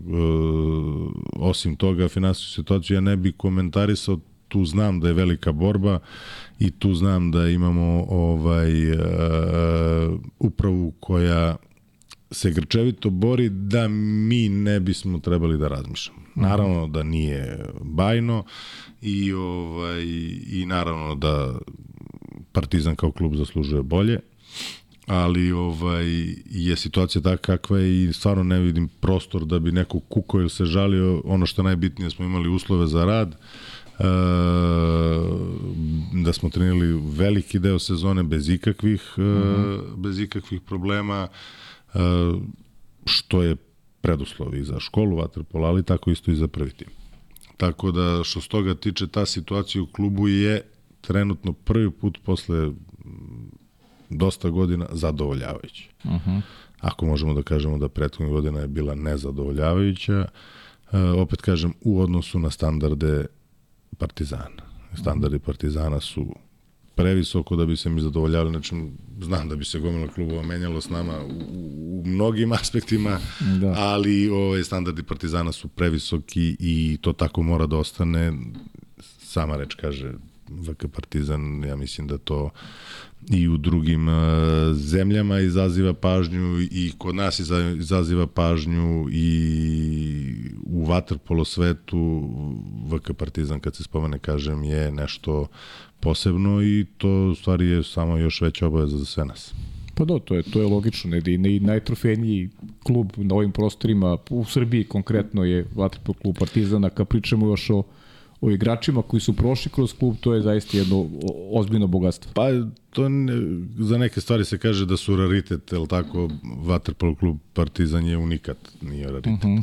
To jednostavno je nemoguće preslikavati i objašnjavati kroz primjer iz drugih sporta, to ne postoji nigde i neće nikad ni postojati uh, jer su okolnosti drugačije, tako dalje, tako dalje. Ali kažem, to je za nas samo jedna još velika obaveza i odgovornost da mi to da mi to isporučimo što se sad od nas koji smo na tim nekim odgovornim mestima u klubu očekuje.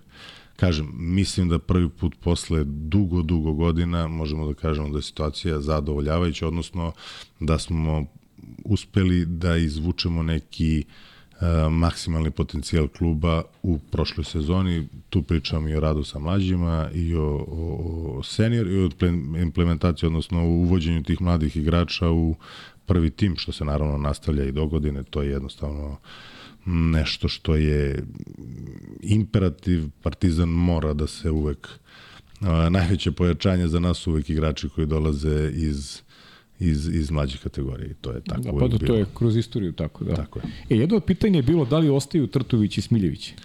E, ostaje. Ostaju, a? Da, oni su prošle godine su onako baš... Pa spomenuo sam ih indirektno mm -hmm. jednog i drugog kroz ono što sam rekao, neki od njih su se pozicionirali i neki od njih su se vratili na mapu je, da. na mapu. Nisu oni odlazili sa mape, ali nisu imali tu neku funkciju koju su objektivno mogli da imaju ranije i tako dalje, tako dalje, da su trenutno na pravom mestu. Uh -huh, uh -huh. Mislim da su trenutno na pravom mestu za razvoj njihove karijere dalje, jer nisu oni deca, ali su i dalje dovoljno mladi da mogu da mogu da, da, da, da izvuku neki, da kažem, maksimum iz, iz, iz vaterpol karijere. Jasno. E, kaži mi, Partizan kreće tako sezona od kvalifikacija za, za Ligu Europe, tako? To je neka e, početna stanica pa za sezonu? Pre toga prvenstvo počinje, prvenstvo počinje ali pre, da, vrlo brzo posle tog prvog kola počinje i te kvalifikacije. To se naravno ništa ne zna, turnir gde se održava koga igra, ali to su kvalifikacije za grupnu fazu Lige Europe. Uh mhm. -huh. Dobro, smo Partizan zatvorili, pa, ja, to je da, to manje više, ili tako? Više manje, dakle. Ok, uh, kaži mi šta očekuješ od uh, ovog leta kada pričamo, uh, svetski kup je završen, ne znam ako imaš neki, neki komentar, ne znam koliko si gledao utakmica, reprezentacija se malo prebaci možda na taj teren, uh, Fukuoka, uh, znamo šta je konačni cilj A reprezentacije. Uh, srpski vaterpolo i volim stalno da ponavljam za sve one koji možda gledaju prvi put i to onako sa ponosom naglašavam. Uh, srpski vaterpolo 2000. godine redovni osvajač medalje sa olimpijskih igara. To je nešto što ima samo američki Dream Team. Bukvalno nema ni jedan drugi kolektivni sport na svetu, nema takav niz rezultata. E sad, uh, treba se plasirati u taj Pariz. Znamo da šta donosi Pariz u Fukoki, jedino finalisti idu direktno u Fukoku, kasnije kroz evropsko i svetsko prvenstvo koje su na programu u januaru i februaru sledeće godine, može se doći do tog željenog plasmana. Kako tebi izgleda izgleda cela, cela priča i kako gledaš na, na, na, na Fukuoku koja sledi? Pa kao na stepenik jedan, e, što ne umanjuje značaj rezultata koji se ostvari tamo. Ali to je ono što sam malo prepričao kad smo, kad smo govorili o reprezentaciji na početku razgovora. E, apsolutno to je jedan proces i obavezan proces kroz koji mora da prođe, a, a tim posle jednog takvog nemoguće naći primer za tako nešto, kažem, u, u drugim sportovima i u drugim, da je tako jedna grupa tako dominantnih igrača i ličnosti otišla iz jednog kolektiva. To se, ne, ne, ne znam s čim bi to uporedio. I onda, ovaj, sad je potrebno taj kolektiv ponovo jačati do tog nivoa ili, ili još višeg nivoa, deluje kao nemoguća misija. A ja stvarno imam veliko poverenje i u igrače koje mi imamo, bez obzira u koje igrače Uroš izabere, mislim da imamo veliki broj kvalitetnih igrača i koji mogu da iznesu, da iznesu taj proces. Ne bih se fokusirao na samo takmičenje i imamo potencijal da napravimo dobar rezultat, ali ga imaju i druge zemlje. Pričali smo malo pre o Grcima, o Špancima ne treba pričamo, mislim da su oni tu sad neko ko na neki način preuzima primat. Italijani su kakvi jesu uvek e, nezgodni i uvek dobro spremni za ta velika takmičenja. Mađari, Mađari su bolje. napravili promenu, međutim oni su te neki igrače i zadržali dalje u Jeste. opticaju.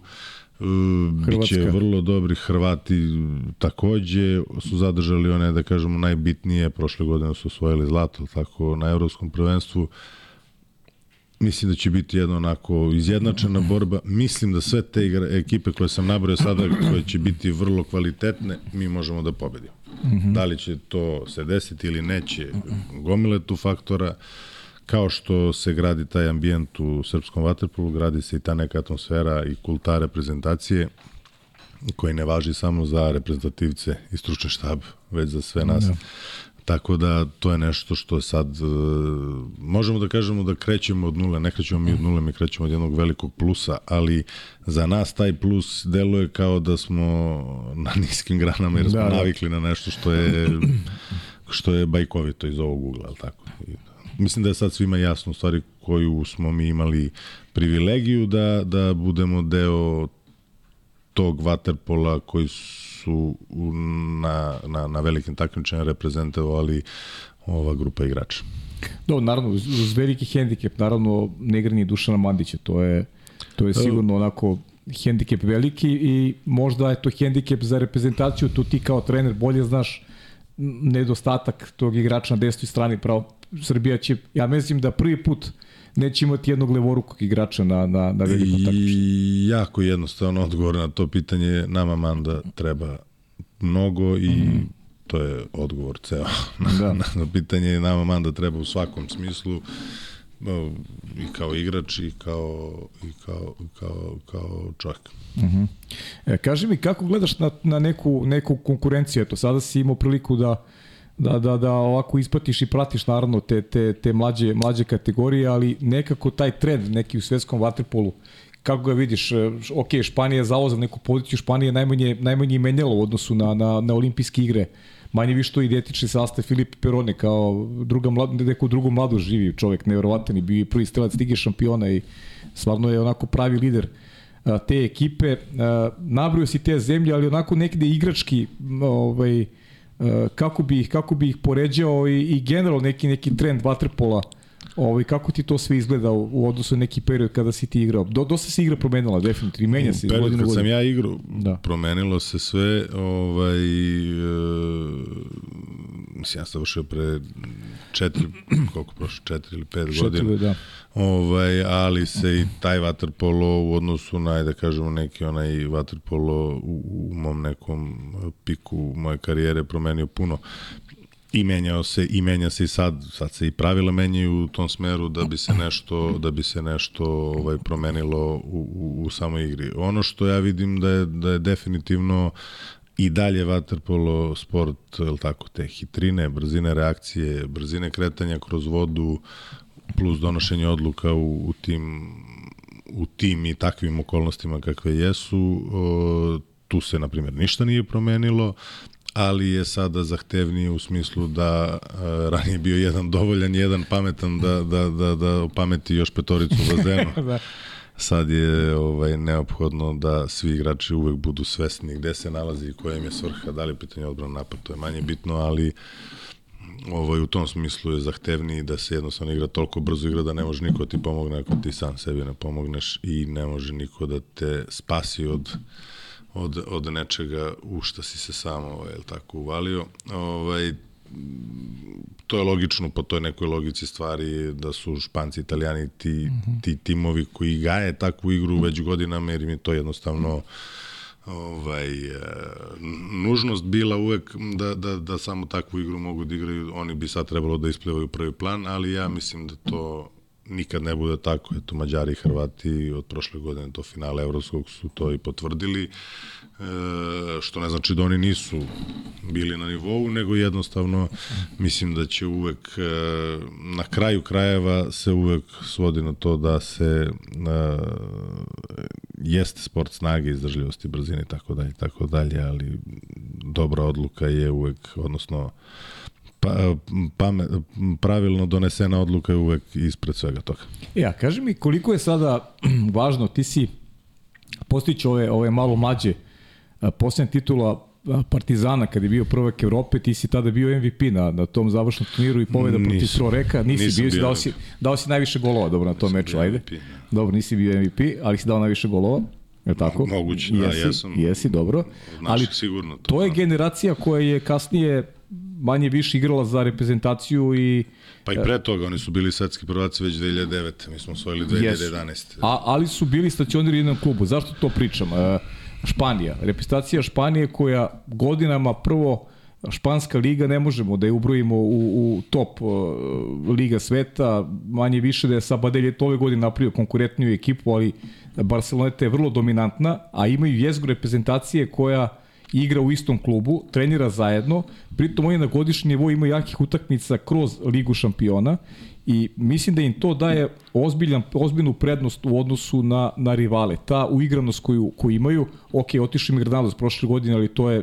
Otišao Granados, razbićemo ih. Da, razbićemo otišao Granados, tako je, ali ali stvarno nekako pravim poređenje recimo sa tom generacijom u kojoj si ti igrao, sa tim praktično klincima uz koje si onako, ti si tu bio iskusniji jedan igrač.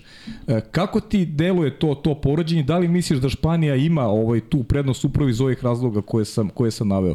To što su oni svežiji, što imaju što imaju manju potrošnju tokom regularnog dela sezone. Naravno, i jako puno treniraju, dovoljno dobru ligu igraju da im je sasvim dovoljna ta liga da bi se pripremili za Euroligu, odnosno Ligu šampiona, kako god da se da. Znači, jeste prednost, e, kod nas je to tad urađeno, ja sam tome učestvovao kao igrač od, od samog početka, ali tako, kad su ti igrači ušli u prvi tim, oni su tada imali 16-17 godina, gde sam ja bio najiskusniji igrač uh mhm. -huh. Partizana sa 21 ili 22.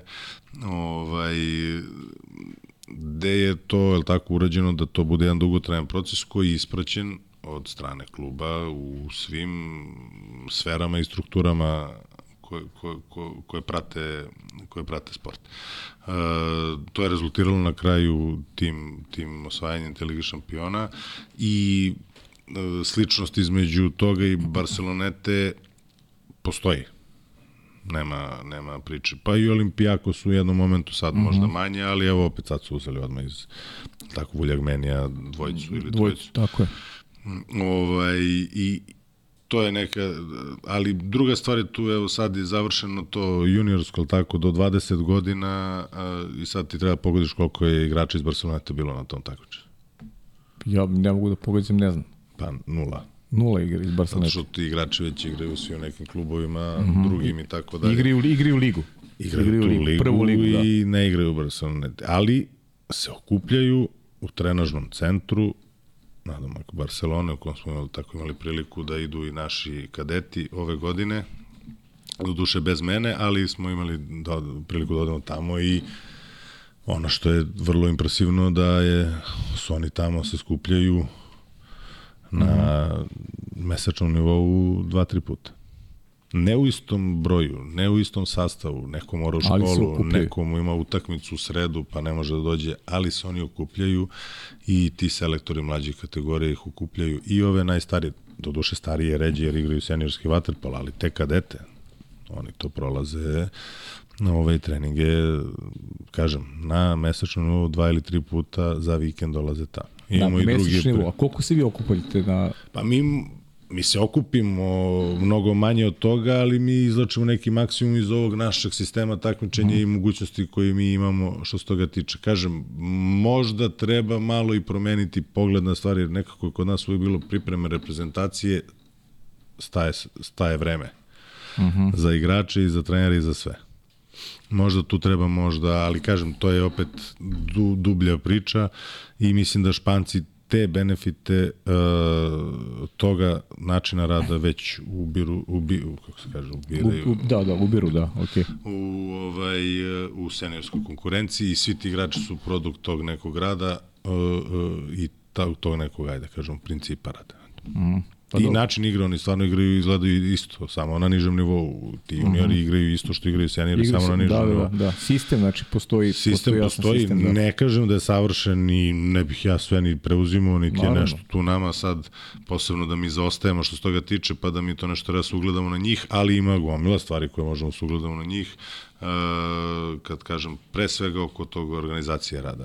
Pa do, treba nam vreme, treba nam trenažni neki ovaj pa vremena imamo. Tako je vremena treba nam da treba nam baze neki gde gde će moći stalno da se pa, igrači i da da pričamo o bazenima, kažem opet to bi bilo, ali to uvek fali. Da, fali, da, definitivno. Pa mislim, to je to je svrha cele priče. Iz ugla, tako, trener koji radi sa reprezentacijom, iz ugla da. neko ko radi Partizanu, ja nemam nikakav problem s tim, uh -huh. jer na Banjici imamo sve uslove koje nam trebaju kad je Banjica funkcionalna. Uh -huh. ovaj, tako da trebalo bi da svi klubovi imaju prostor je jednostavno neophodan za rad.